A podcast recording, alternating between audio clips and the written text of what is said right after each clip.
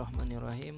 Kembali lagi di podcast uh, kita pada siang hari ini.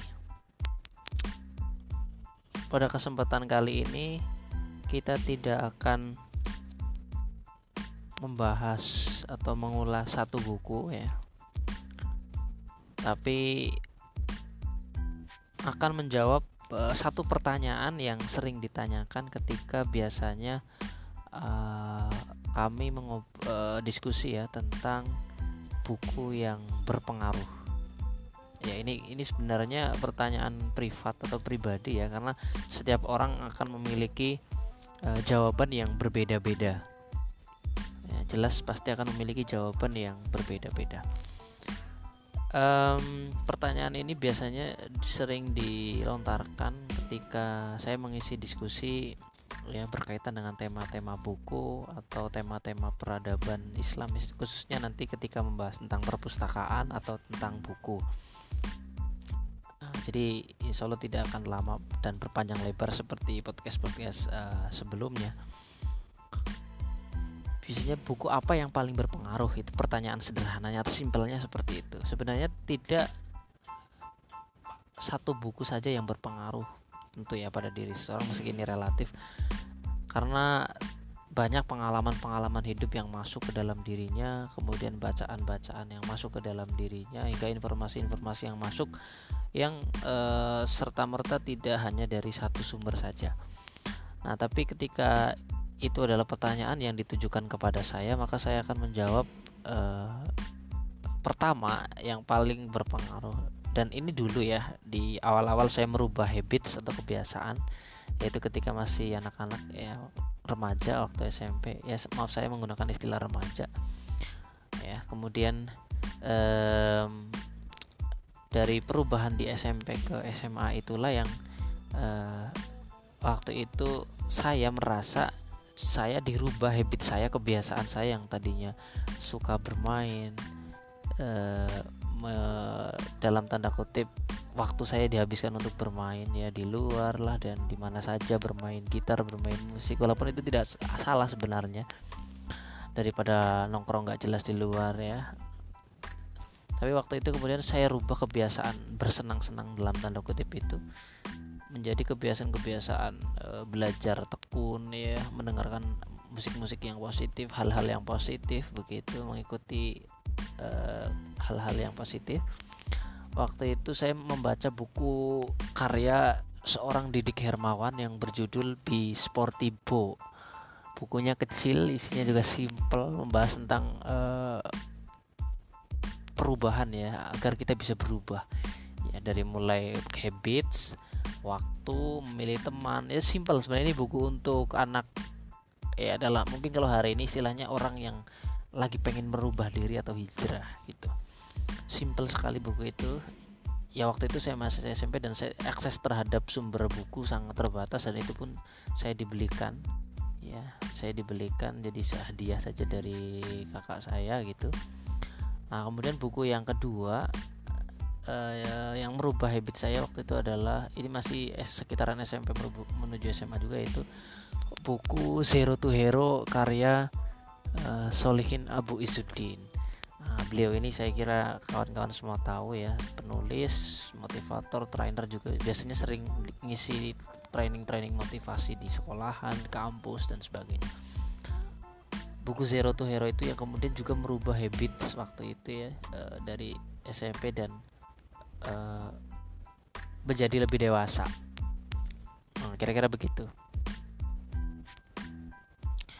Dua buku itu yang kemudian merubah uh, kehidupan saya di waktu SMP SMA sehingga di waktu SMP yang mungkin saya prestasinya biasa-biasa saja di masa SMA terjadi sebuah lonjakan yang cukup tinggi yaitu waktu itu saya bisa menempati posisi ranking satu paralel ya dalam segi prestasi. Dan itu semua berkat ya uh, jeripayah merubah kebiasaannya. Tentu di situ ada campur tangan uh, doa ya campur tangan Allah taala. Jelas itu pasti tapi maksud saya adalah ada suatu perubahan atau habits yang cukup besar dari yang bermalas-malasan menuju habits uh, rajin belajar dan sebagainya itu nah itu berubah dari dua buku yang tadi saya sebutkan.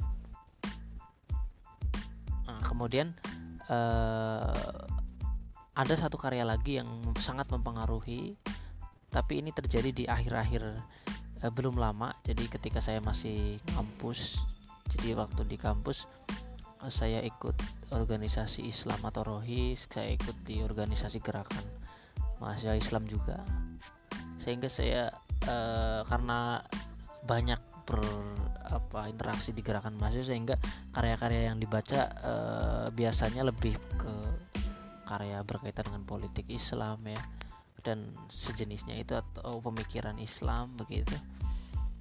Jarang menyentuh wilayah-wilayah uh, yang mungkin berkaitan dengan ruhiyah ya. Walaupun acuan-acuan seperti itu tetap kita buat maksudnya seperti mutabaah lembar evaluasi yang saya kira waktu itu saya tidak jarang pernah atau tidak pernah mengisinya. Karena saya sudah merasa oh, itu sudah tercapai makanya saya tidak pernah mengisi. Tapi itu hanya dilakukan sebatas uh, rutinitas ya. Jadi ibadah semacam rutinitas tanpa adanya kesadaran sesuatu yang lebih tinggi begitu.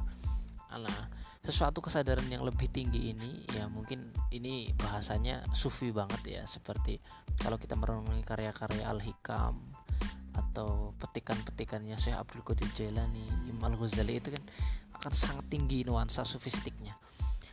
Nah, saya baru mendapati uh, karya itu dan saya menyadari keberpengaruhan itu ya belum lama itu ketika saya merasa bahwa uh, dalam aktivisme-aktivisme keislaman itu kok selaku aktivis dakwah ini kok sama saja ya dengan orang lain begitu jadi eh, kita menyerukan kebaikan menyerukan tiap hari tentang kebaikan tentang kebijakan yang tidak pro terhadap umat ya dan sebagainya. Tapi kok rasa-rasanya aktivisnya tidak pernah mendidik dirinya begitu. Saya saya ngerasa seperti itu. Tidak ada peningkatan dalam jiwa saya dalam diri saya tapi tiap hari saya uh, berkuar-kuar seperti itu.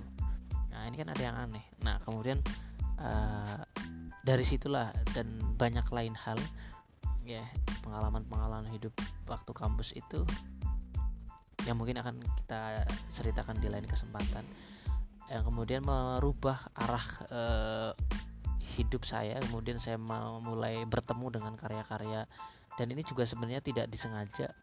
Ya Allah mungkin jelas mempertemukan itu kepada saya tapi saya sendiri mendapati itu ketika mengkaji tentang tema-tema peradaban Islam pemikiran Islam uh, tersebutlah buku yang berjudul Hakazu Daharo Jilsalahuddin uh, Al-Quds bla bla bla judulnya sangat panjang karya Dr. Majid Irsan Al-Kilani waktu itu saya menemukan buku lawasnya ya judulnya uh, bukunya warna merah judulnya itu refleksi 50 tahun gerakan dakwah e, melawan antara salib kalau tak salah.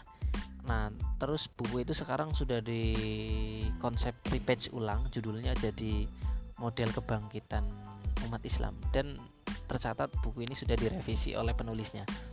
Sehingga termasuk buku yang bagus ya, saya kira. Nah, dari situ kemudian saya mendapati uh, fenomena perang salib ya fakta itu ya kejadian perang salib kemunduran umat Islam bahkan kebangkitannya uh, dimulai dari mana ya uh, mulai kebangkitannya seperti apa melalui jalur apa hingga sampai 50 tahun nanti bisa mulai bangkit 200 tahun bisa menang. Dan itu ada fase-fase uh, proses yang sangat lama dengan melalui pembaruan-pembaruan pada individu. Dan itulah saat itu saya menemukan titik inilah yang saya cari selama ini. Kira-kira begitu. Uh, pas tidak lama uh, itu juga saya menemukan sebuah pameran waktu itu kalau nggak salah Mizan Group dan lain-lain. Nah saya menemukan karya uh, Imam Al Ghazali berjudul metode menaklukkan jiwa.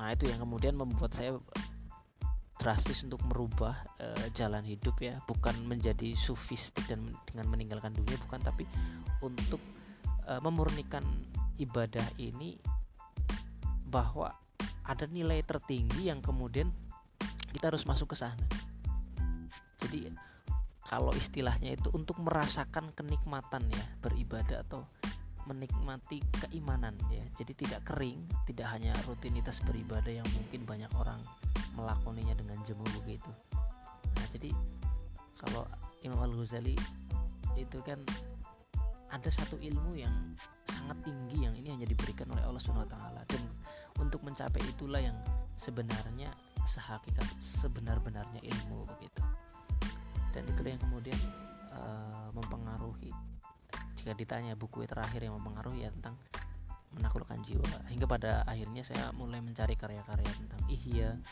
uh, karya-karya Abdul Qadir Jailani yang beberapa disebutkan di buku Hakazatul Haro tadi.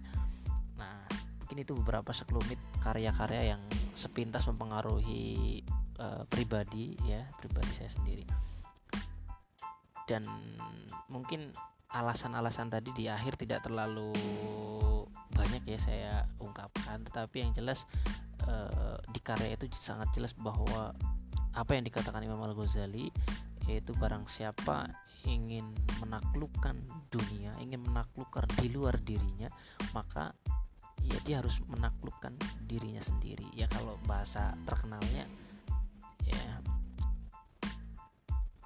ketika kita bisa menaklukkan diri kita maka kita akan mengenal Allah Subhanahu wa taala kan begitu. Karena fitrahnya kita ada di situ. Kalau kita melihat dalam-dalam uh, diri kita. Barang siapa mengenal dirinya maka akan mengenal Tuhannya. Nah, itu yang karya yang uh, beberapa karya yang mempengaruhi kepribadian. Sel selain itu jelas sangat banyak uh, yang tentu belum bisa saya ceritakan. Mungkin di lain kesempatan. Oke, terima kasih.